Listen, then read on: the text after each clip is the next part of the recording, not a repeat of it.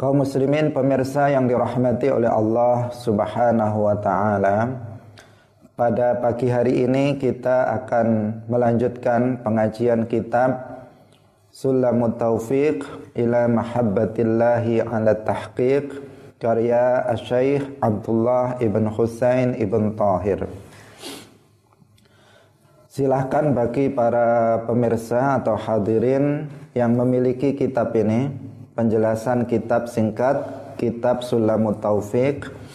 Kitab ini uh, ditulis itu lengkap.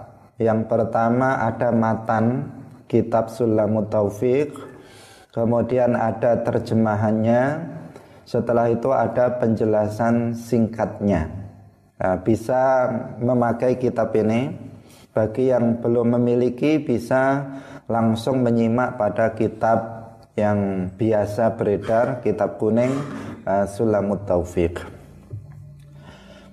Qala al-muallif rahimahullahu taala faslun yajibu ala kafatil mukallafin ad-dukhulu fi dinil Islam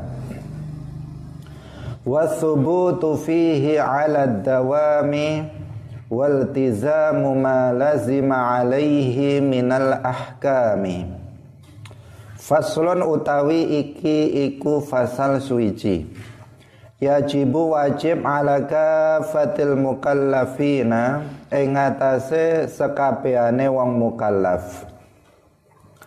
Apa ad-dukhulu manjing fi dinil islami ing dalam agama Islam? Wa thubutulan tetep fihi ing dalam Islam alat dawami ing atase selawase tegese sampai mati. Wal tizamu ma lan netepi barang lazima kang wajib alaihi ing atase kafatil mukallafin nyatane minal ahkami sangking pira-pira hukum Pemirsa yang dirahmati oleh Allah, fasal wajib bagi seluruh mukallaf masuk ke dalam agama Islam. Tetap dalam agama Islam selamanya dan menetapi hukum-hukum yang wajib baginya.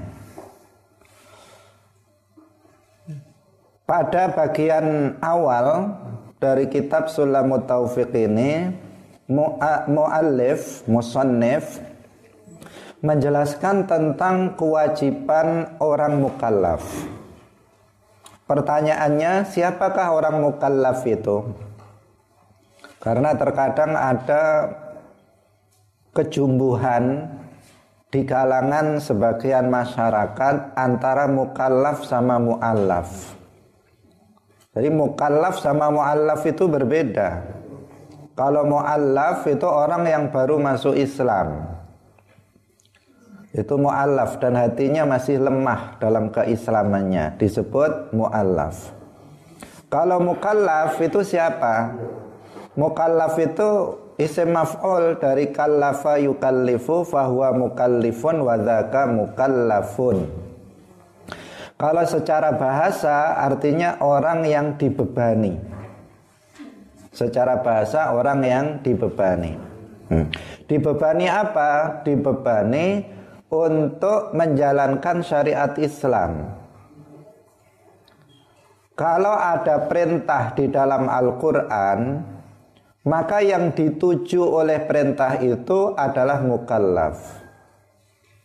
Jika ada larangan di dalam Al-Quran, maka yang dilarang dalam Al-Quran itu adalah mukallaf. Demikian juga kalau ada dalam hadis perintah atau larangan, maka yang dituju di situ adalah orang mukallaf. Misalnya di dalam Al-Quran ada perintah aqimus sholah, dirikanlah sholat. Siapa yang wajib sholat? Mukallaf. Kalau di dalam Al-Quran misalnya disebutkan wala zina, jangan mendekati zina. Siapa yang dilarang di situ? Jawabannya mukallaf. Jadi mukallaf itu orang yang sudah terbebani untuk menjalankan syariat Islam. Mukallaf adalah orang yang mukhatab yang dituju dalam perintah dan larangan yang ada di dalam Al-Quran maupun dalam hadis. Itulah yang disebut mukallaf. Nah, kapan seseorang itu menjadi seorang mukallaf? Kapan seseorang disebut sebagai orang mukallaf? Nah, mukallaf adalah orang yang balik, berakal, dan telah sampai kepadanya dakwah Islam. Jadi kriterianya tiga ini. Yang pertama, dia adalah orang yang sudah balik. Yang kedua, dia orang yang berakal. Yang ketiga telah sampai kepadanya dakwah Islam. Yang pertama dia sudah balik artinya bukan anak-anak. Tanda seorang laki-laki itu telah balik itu satu dari dua perkara. Tanda seorang perempuan itu sudah balik adalah satu dari tiga perkara. Nah, seorang laki-laki tanda baliknya salah satu dari dua, salah satu bukan dua-duanya, tetapi salah satunya, yaitu yang pertama adalah ru'yatul mani, mengeluarkan mani, dan yang kedua adalah umurnya telah sampai 15 tahun komariah. Nah, umurnya telah sampai 15 tahun Komariah atau Hijriyah. Jadi di sini kalau kita berbicara tahun atau bulan dalam ilmu syarak, maka yang dimaksud adalah tahun Hijriyah atau disebut juga tahun Komariah. Bukan tahun umum, bukan. Nah, jadi kita ini harus digarisbawahi. Kalau kita sedang belajar ilmu syarak, kok disebut bulan atau disebut tahun, maka yang dimaksud adalah tahun Hijriyah atau bulan Hijriyah. Agar nanti tidak salah persepsi. Jadi seorang laki-laki itu menjadi balik, disebut balik apabila ada salah satu dari dua perkara ini. Nah, dia sudah bermimpi basah mengeluarkan mani, atau dia sudah berumur 15 tahun Qamariyah. Ada seorang laki-laki belum berumur 15 tahun. Masih berumur 13 tahun, tapi dia sudah bermimpi basah, maka dia sudah balik. Ada seorang laki-laki, umurnya sudah 15 tahun Qamariyah, tetapi dia belum bermimpi basah, maka dia juga sudah balik. Karena salah satunya, mana yang lebih dulu kedapatan, maka dia uh, dengan itulah disebut sebagai orang yang balik. Dan tahun Hijriah perlu untuk dipahami itu lebih cepat dari tahun apa? Tahun umum bisa jadi seseorang itu tahun umumnya Januari Februarinya itu dia masih berumur 14 tahun tetapi dalam hijriahnya dia sudah berumur 15 tahun. Karena itu penting bagi orang tua itu kalau mendapatkan anak baru artinya dia kelahiran anak baru maka dia jangan hanya mencatat tanggal lahir apa namanya masainya atau umumnya tetapi dia juga harus mencatat tanggal lahir hijriahnya. Kenapa? Karena ini akan terkait dengan hukum syarak berikutnya. Nah, termasuk kewajiban orang tua untuk memerintahkan anak sholat, mengajarkan anak ilmu agama ketika dia berumur tujuh tahun. Tujuh tahun apa? Komariah. Jika orang tua tidak tahu, dikira oh, anak saya masih enam tahun, padahal dia sudah tujuh tahun. Kemudian dia tidak mengajarinya. ilmu dasar-dasar agama, maka orang tuanya berdosa. Karena itu mutlak harus di apa namanya dicatat juga tahun lahir, tanggal kelahiran hijriahnya bukan hanya apa namanya tahun umumnya. Orang menyebutnya Masehi. Nah, tetapi lebih tepat sebenarnya itu adalah uh, penanggalan Rumiah karena dipakai oleh orang-orang Rum atau kalender umum. Pemirsa yang dirahmati oleh Allah Subhanahu wa taala, kalau perempuan maka salah satu dari tiga perkara. Tanda baliknya salah satu dari tiga perkara. Yang dua sama dengan laki-laki yaitu mengeluarkan mani. Kemudian umurnya telah mencapai 15 tahun Hijriyah dan yang ketiga itu sudah mengeluarkan darah haid. Dan darah haid itu dimungkinkan keluar dari seorang anak perempuan ketika dia berumur 9 tahun. Kalau ada anak umur 9 tahun dia kok sudah haid berarti dia sudah balik meskipun belum berumur 15 tahun hijriah. Kalau ada anak berumur 9 tahun belum haid tapi Eh, kemudian ketika berumur 10 tahun dia bermimpi basah, maka dia sudah sudah apa? Sudah balik. Ada anak perempuan sudah berumur 15 tahun Hijriah, tapi dia belum haid dan belum bermimpi basah. Tapi dia sudah berumur 15 tahun Hijriah, maka perempuan itu sudah apa balik. Karena tandanya salah satu dari tiga. Bukan tiga-tiganya tetapi salah satu dari tiga. Bukan hanya head saja tandanya tetapi juga mengeluarkan mani dan berumur sampai berumur 15 tahun hijriah. Nah, bisa dipahami ya salah satu dari tiga. Kalau laki-laki salah satu dari dua. Salah satu artinya tidak harus dua-duanya tidak harus tiga-tiganya. Mana dari dua yang lebih dulu terjadi maka dia balik mana dari tiga yang lebih dulu terjadi maka dia balik Pemirsa yang dirahmati oleh Allah Subhanahu wa taala, kriteria seseorang itu dianggap mukallaf apabila dia sudah balik. Jika dia masih anak-anak, maka dia belum balik dan dia bukan mukallaf. Misalnya anak umur 2 tahun, maka dia bukan mukallaf. Anak umur 3 tahun, 4 tahun, 5 tahun itu bukan orang mukallaf. Seandainya anak umur 5, 6, 7 tahun misalnya dia tidak sholat, maka dia tidak berdosa dia tidak puasa, maka dia tidak berdosa. Kenapa? Karena dia bukan mukallaf. Belum terbebani untuk menjalankan syariat Islam. Yang pertama. Yang kedua, kriterianya itu berakal.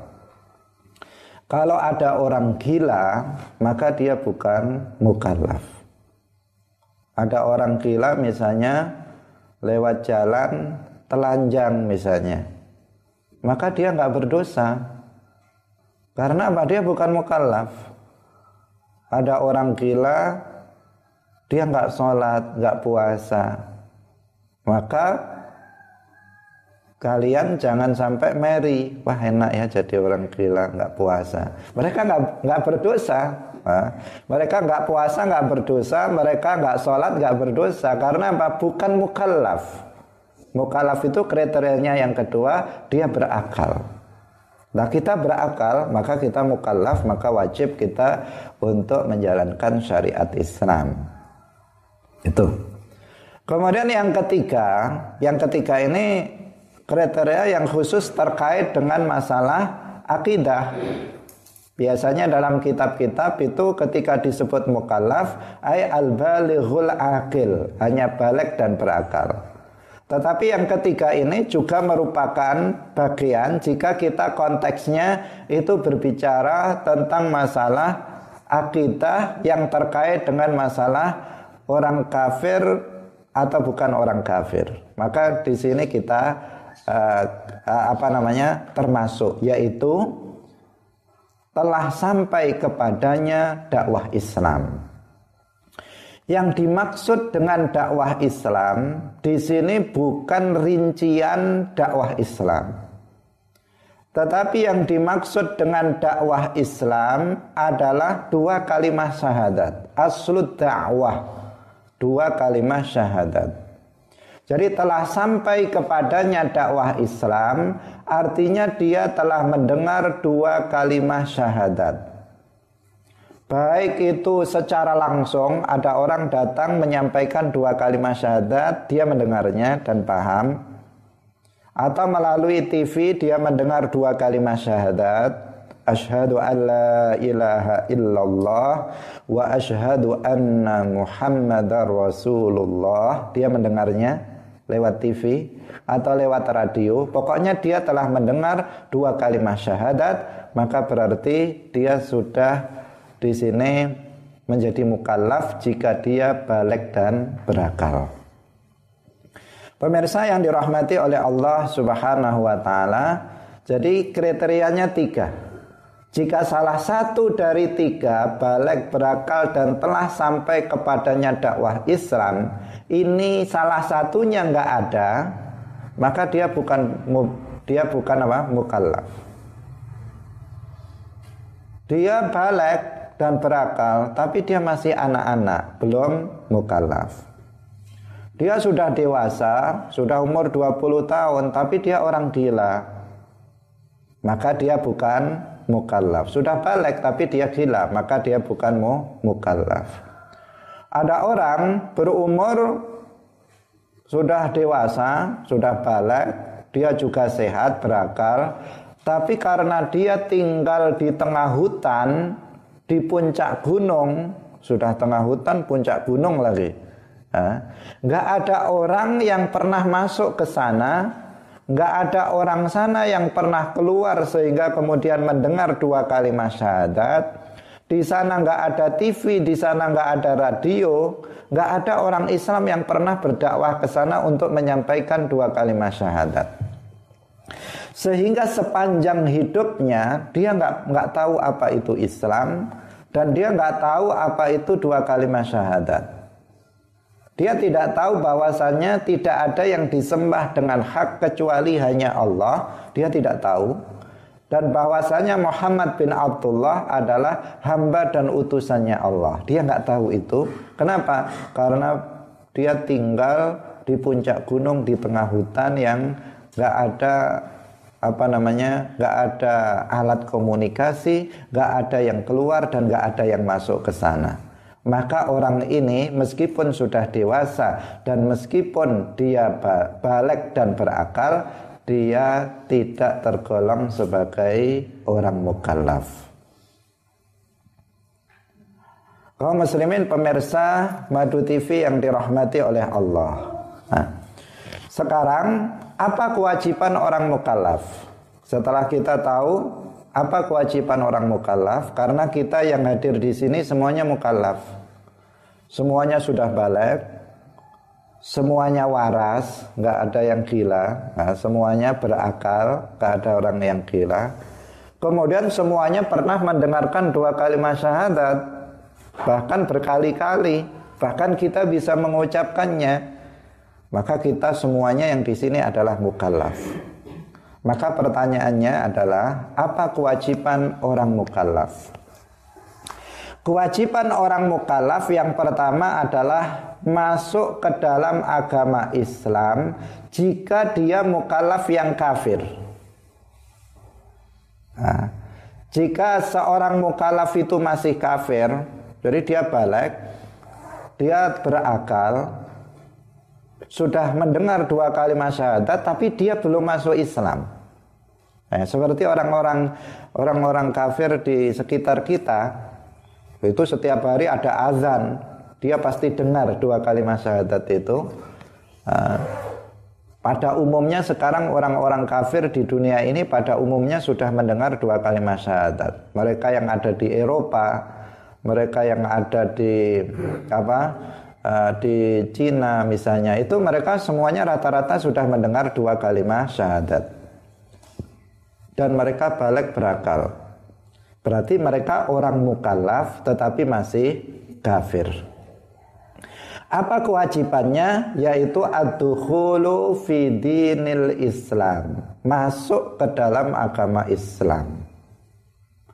Nah, Apabila seorang mukallaf yang kafir tidak masuk ke dalam agama Islam, maka dia berdosa dan di akhirat akan tempatnya adalah neraka jahanam selama-lamanya.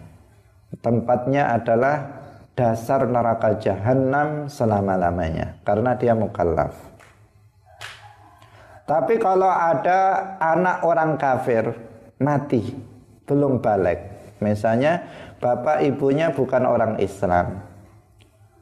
Kemudian dia mati belum balik, masih umur lima tahun dia mati. Apa hukumnya? Anak ini berarti belum mukalaf karena dia belum balik. Hukumnya dia akan selamat di akhirat. Hukumnya dia akan selamat di akhirat. Di dunia dia kafir artinya tidak kita rawat sebagai jenazah muslim tetapi nanti dia di akhirat akan selamat. Kenapa? Karena dia belum mukallaf. Kalau belum mukallaf, belum ada kewajiban bagi dia untuk masuk ke dalam agama Islam. Bisa dipahami? Nah. Atau kasus yang kedua, misalnya ada orang ada seseorang dia gila. Dari kecil sudah gila. Sejak dia lahir sudah tertawa sendiri misalnya. Ini hanya guyon saja. Kalau bayi-bayi yang lain itu lahir menangis, dia lahir sudah tertawa sendiri. Artinya dia sudah gila. Nah, lahir sudah gila sampai umur 60 tahun mati dia tetap gila, nggak pernah waras sama sekali. Maka orang ini selamat di akhirat. Karena dia bukan orang mukallaf. Kalau dia mati dalam keadaan gila, maka dia akan selamat. Jika apa? Gilanya itu sejak sebelum balik.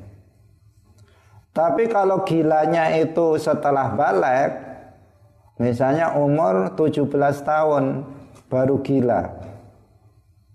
Karena putus cinta misalnya kemudian dia gila umur 17 tahun. Sampai dia mati masih gila. Maka di sini bagaimana? Dilihat. Ketika dia mukallaf itu kalau misalnya ukurannya umur 15 tahun misalnya dia sudah masuk Islam sampai umur 17 tahun ketika dia memulai gila itu dia dalam keadaan muslim maka hukumnya dia muslim. Nanti di akhirat ya di surga tempatnya. Tetapi kalau dalam waktu dua tahun dia masih sebagai orang yang kafir.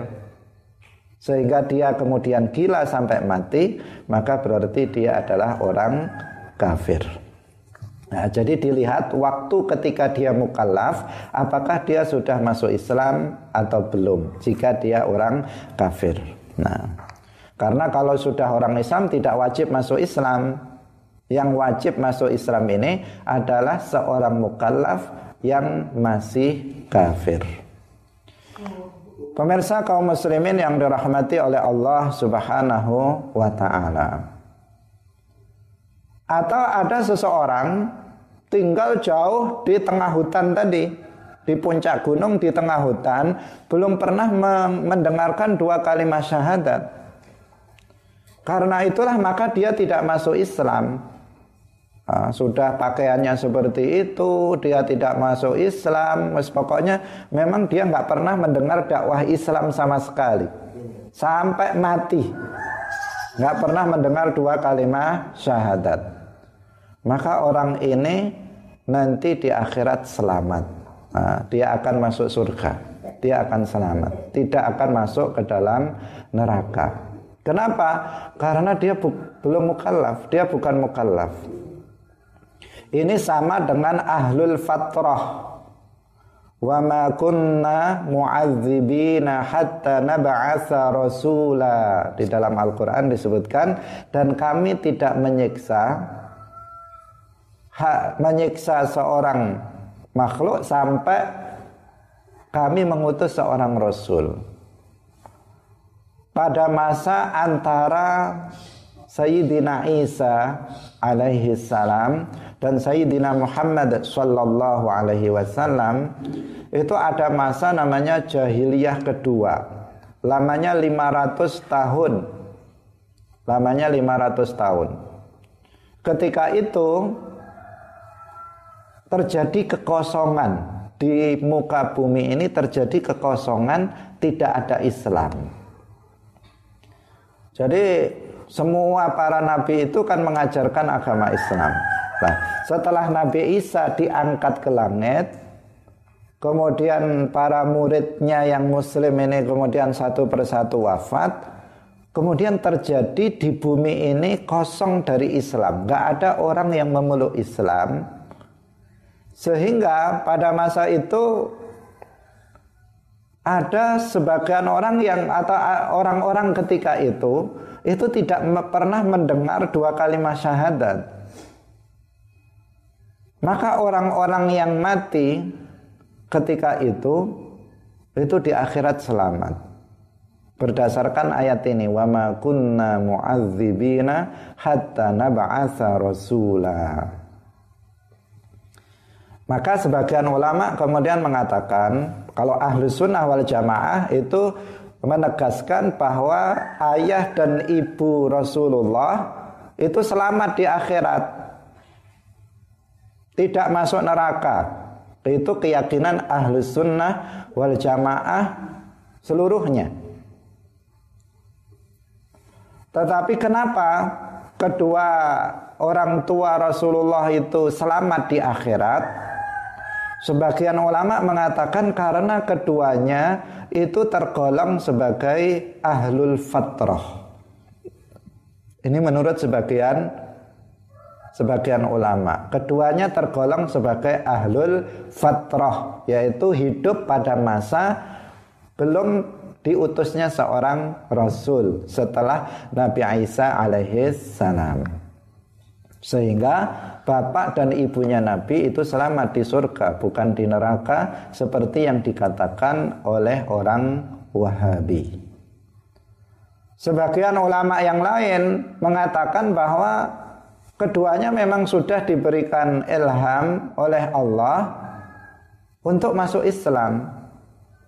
Sehingga Sayyidah Aminah itu bukan hanya seorang muslimah tetapi Sayyidah Aminah ibunda Rasulullah itu adalah seorang waliyah, seorang wali perempuan.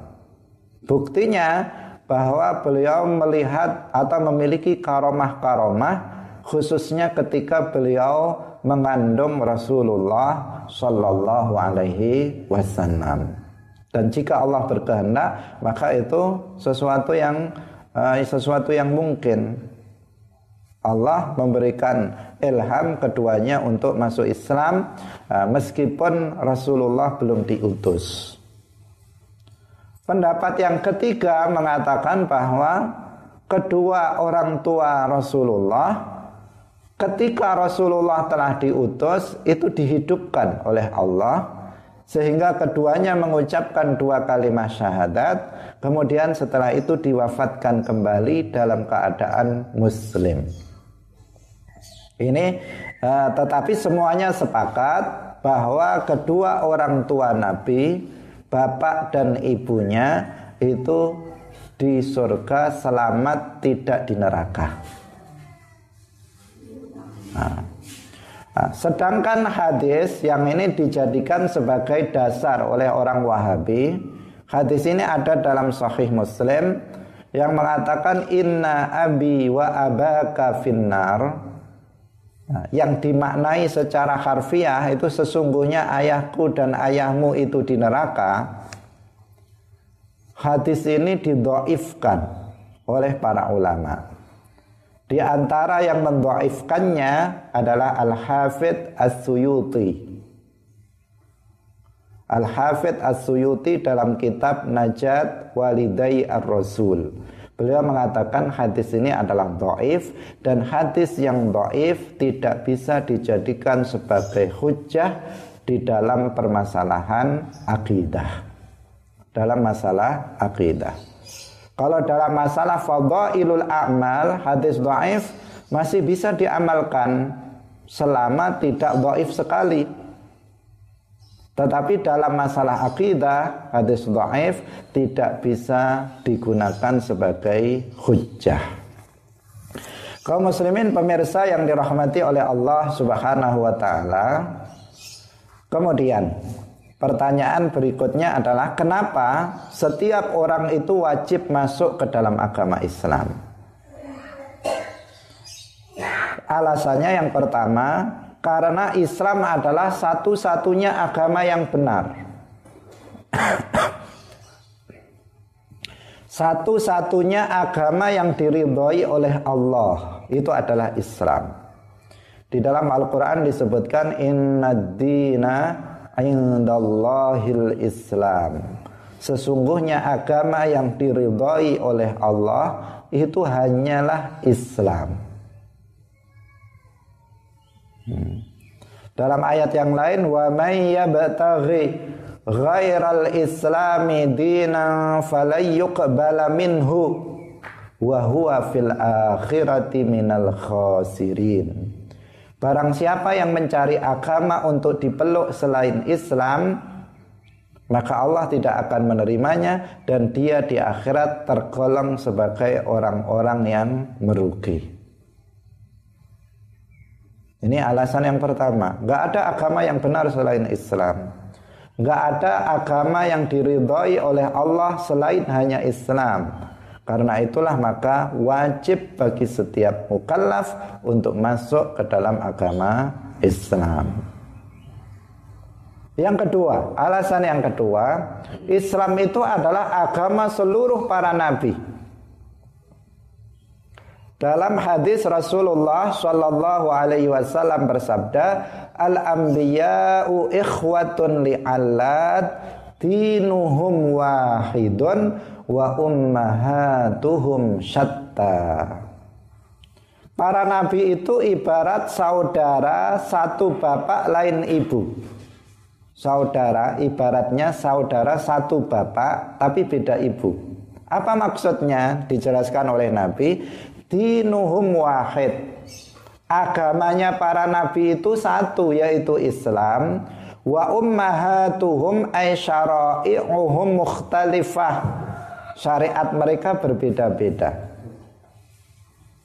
Jadi agamanya satu yang disembah itu hanya Allah, tetapi syariat yang diterapkan itu berbeda-beda antara syariatnya Nabi Ibrahim, Nabi Nuh, Nabi Musa itu beda-beda.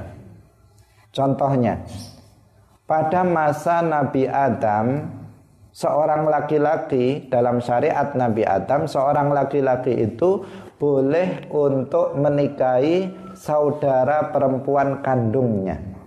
Menikah dengan kakaknya, menikah dengan adik kandungnya itu boleh dalam syariat Nabi Adam. Hikmahnya apa?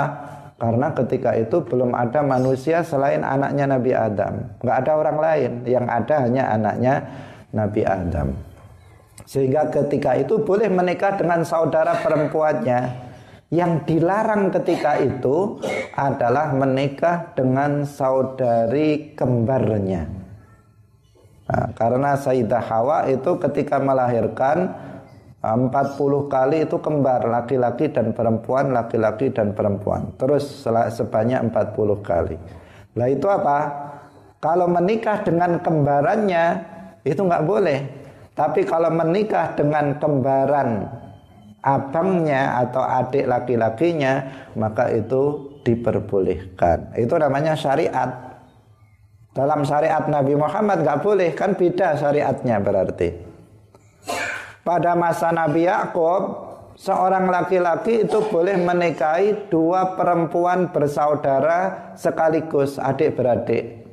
Kakak adik langsung dinikahkan dengan satu orang laki-laki. Itu boleh. Dalam syariat Nabi Muhammad nggak boleh kalau kakaknya sudah mati baru adiknya boleh dinikahi. Ini namanya apa? Syariat aturan hukum antara Rasul satu dengan Rasul yang lain itu berbeda, tetapi agamanya satu, agamanya sama, yaitu Islam. Nabi Adam Muslim, Nabi Nuh Muslim, Nabi Ibrahim Muslim, Nabi Isa Muslim, Nabi Musa Muslim. Maka na Ibrahimu Yahudiyya wala Nasraniyya walakin kana hanifam muslima. Nabi Ibrahim muslim. Dan banyak sekali dalam Al-Qur'an yang menjelaskan bahwa para nabi itu muslim, beragama Islam.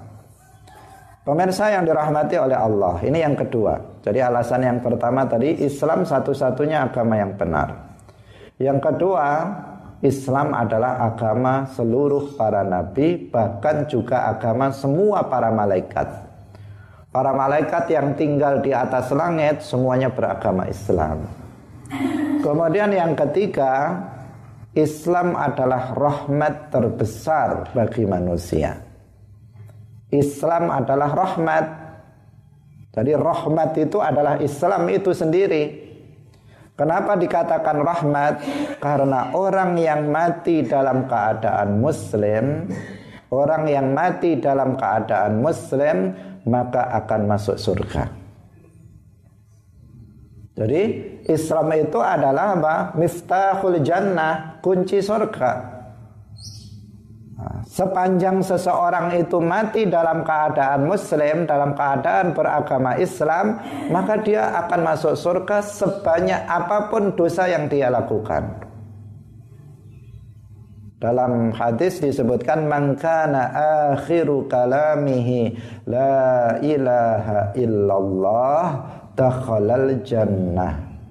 Barang siapa yang akhir perkataannya itu adalah la ilaha illallah, artinya dalam meyakini makna la ilaha illallah sebagai pokok dari ajaran Islam, artinya dia mati dalam keadaan muslim, dakhalal jannah, maka dia masuk surga.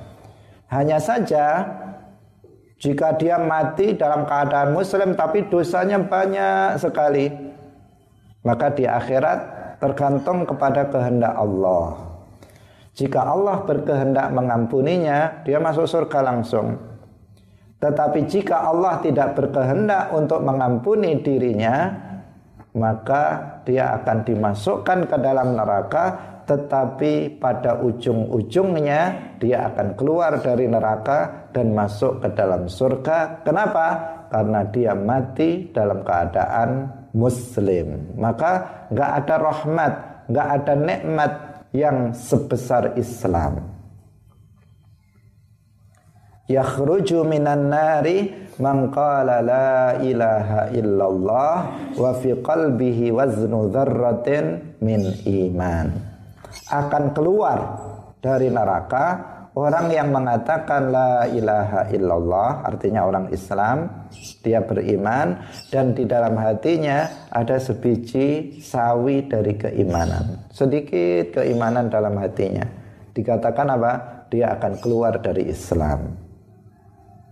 Eh, dia akan keluar dari neraka. Sabukul lisan, dia akan keluar dari neraka dan masuk ke dalam surga. Nah, karena itu Islam adalah tidak ternilai. Uh, mahalnya tidak ternilai.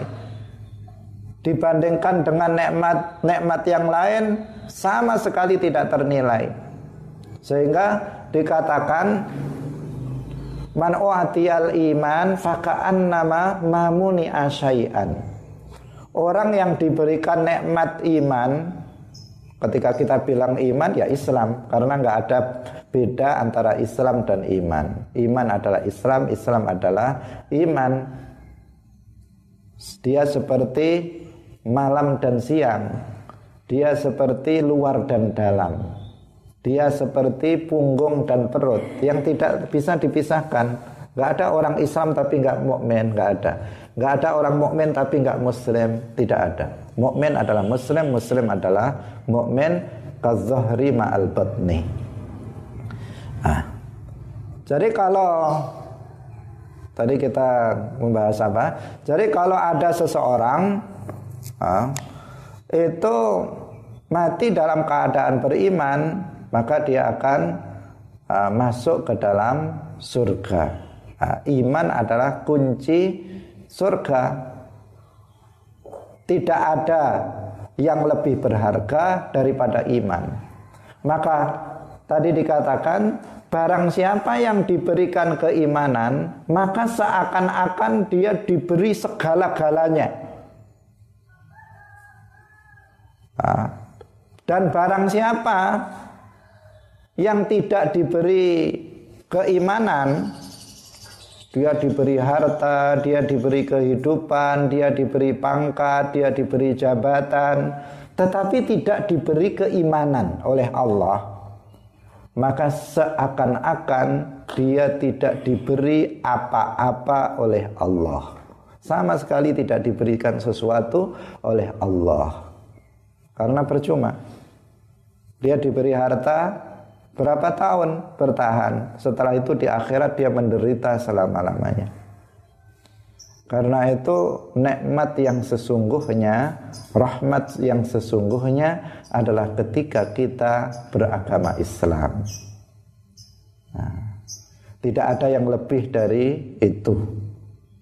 Kaum muslimin yang dirahmati oleh Allah Subhanahu wa taala, Selanjutnya, maka kewajiban selanjutnya adalah wasubutu fihi dawam. Karena tidak ada yang lebih berharga selain Islam dan iman, maka kewajiban orang mukallaf yang kedua adalah tetap di dalam Islam selamanya.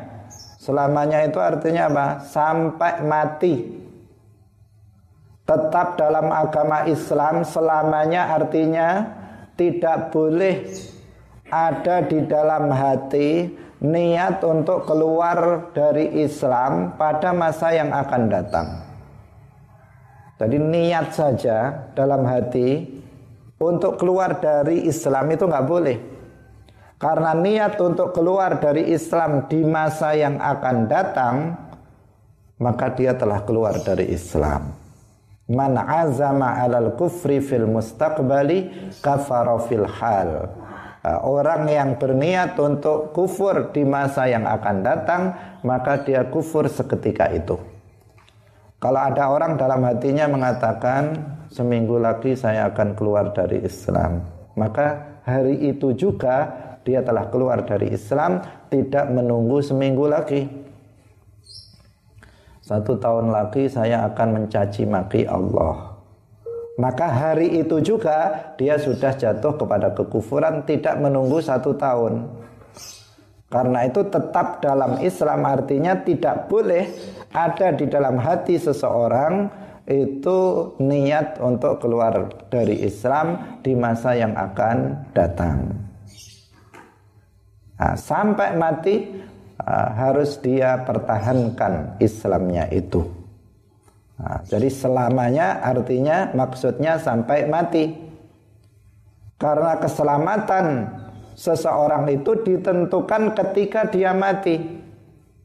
Jika mati dalam keadaan muslim artinya husnul khatimah. Jadi husnul khatimah itu artinya apa? Mati dalam keadaan muslim maka dia ahli surga, dia penduduk surga. Sebaliknya jika dia mati dalam keadaan kafir, su'ul khatimah. Jadi su'ul khatimah artinya apa? Mati dalam keadaan kafir. Maka dia ahli nar, ahli neraka. Maka dia menjadi penduduk neraka. Jadi kunci atau penentu keselamatan atau celakanya seseorang itu ketika dia mati. Bukan ketika seseorang masih sehat. Ada seseorang sehat dari kecil, dia ibadahnya bagus, imannya bagus, tetapi kemudian ketika mati dia setelah mencaci maki Allah, telah kufur, keluar dari Islam, kemudian dia mati. Maka dia di sini apa? Ahlun nar. Dia penduduk neraka. Ada seseorang dari kecil dia non muslim misalnya. Ketika akan mati dia mengucapkan dua kalimat syahadat, masuk Islam, kemudian dia mati. Maka ini ahlul jannah, penduduk surga. Jadi penentunya itu adalah ketika seseorang mati, apakah dia mati dalam keadaan muslim atau dia mati dalam keadaan kafir. Karena itu kita sering berdoa minta kepada Allah agar mati husnul khotimah artinya mati dalam keadaan beriman, mati dalam keadaan muslim. Nah, dalam Al-Quran disebutkan wa'bud wa'bud rabbaka hatta ya'tiyakal yakin. Sembahlah Tuhanmu sampai datang kematian. Al yakin dalam ayat ini artinya adalah al maut sampai datang kematian.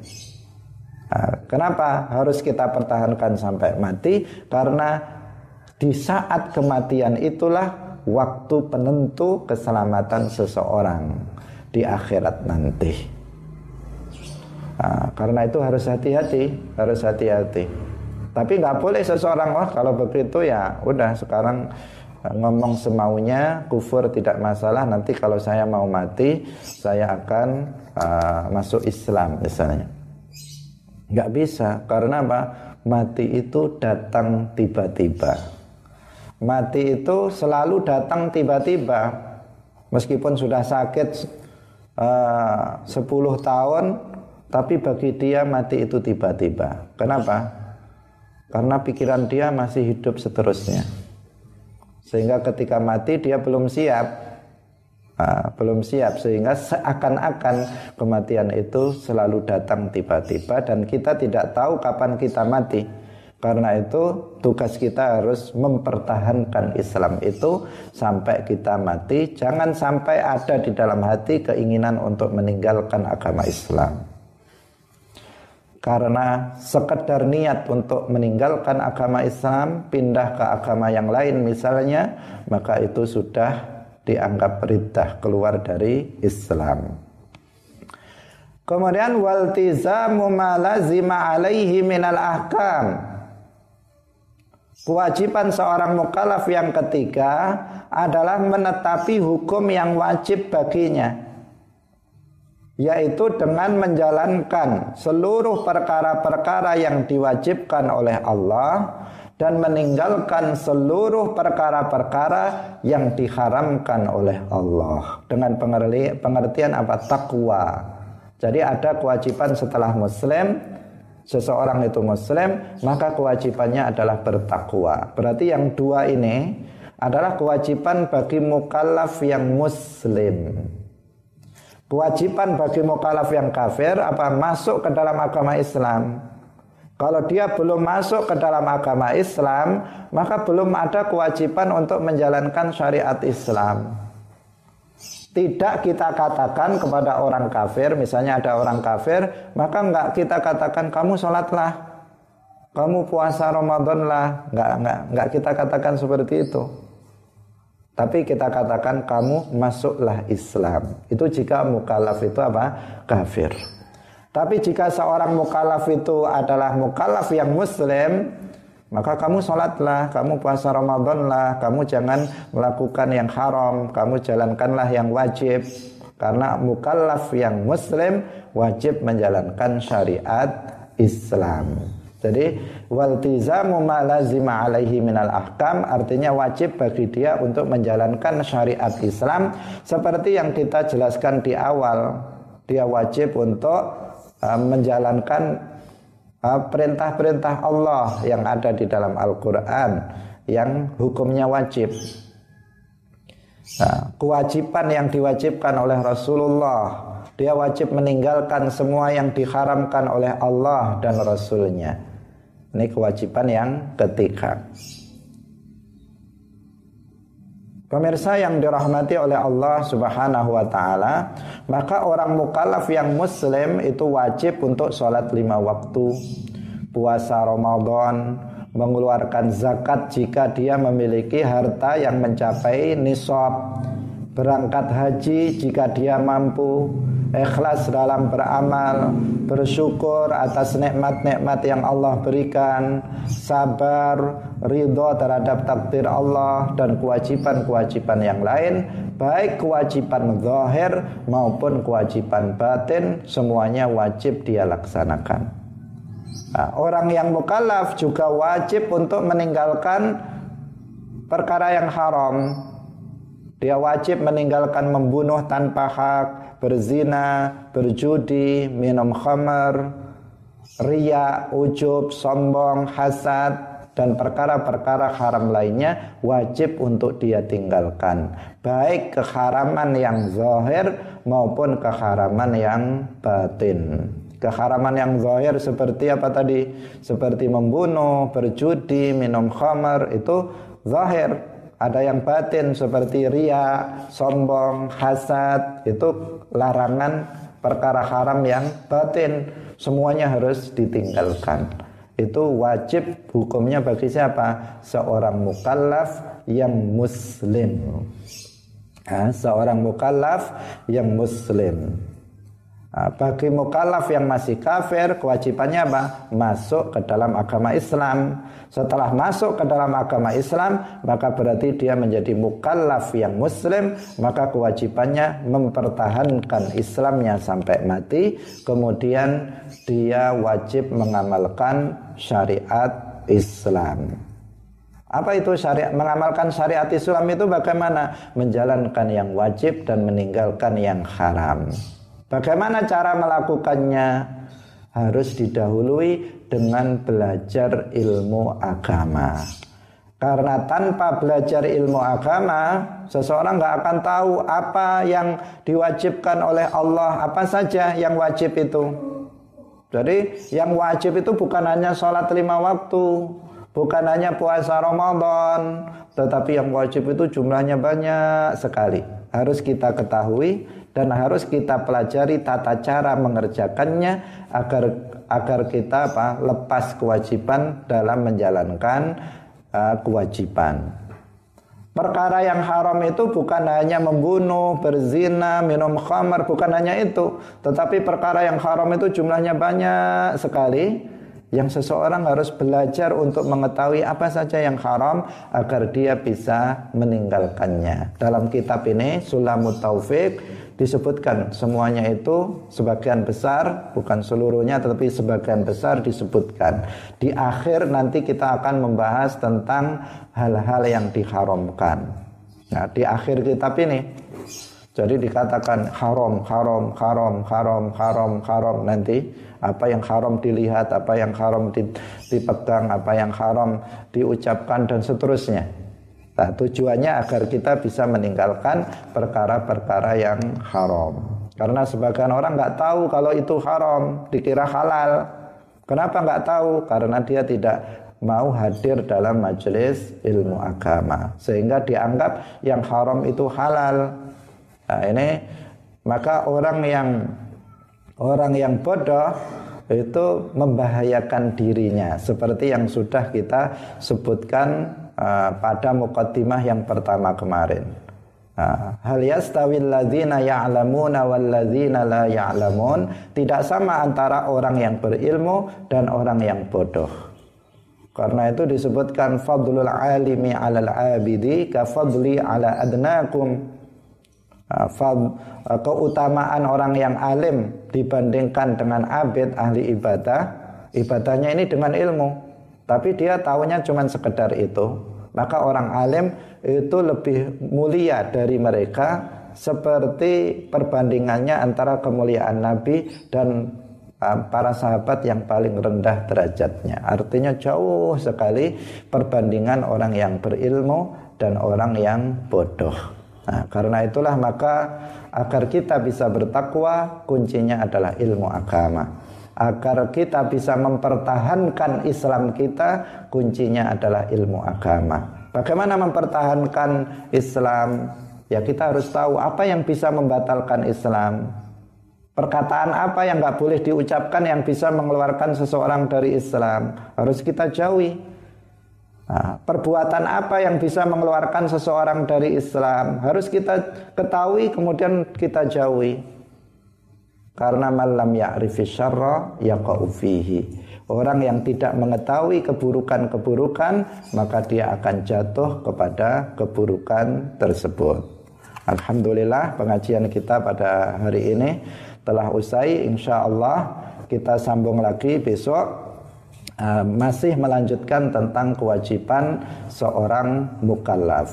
Uh, semoga bermanfaat.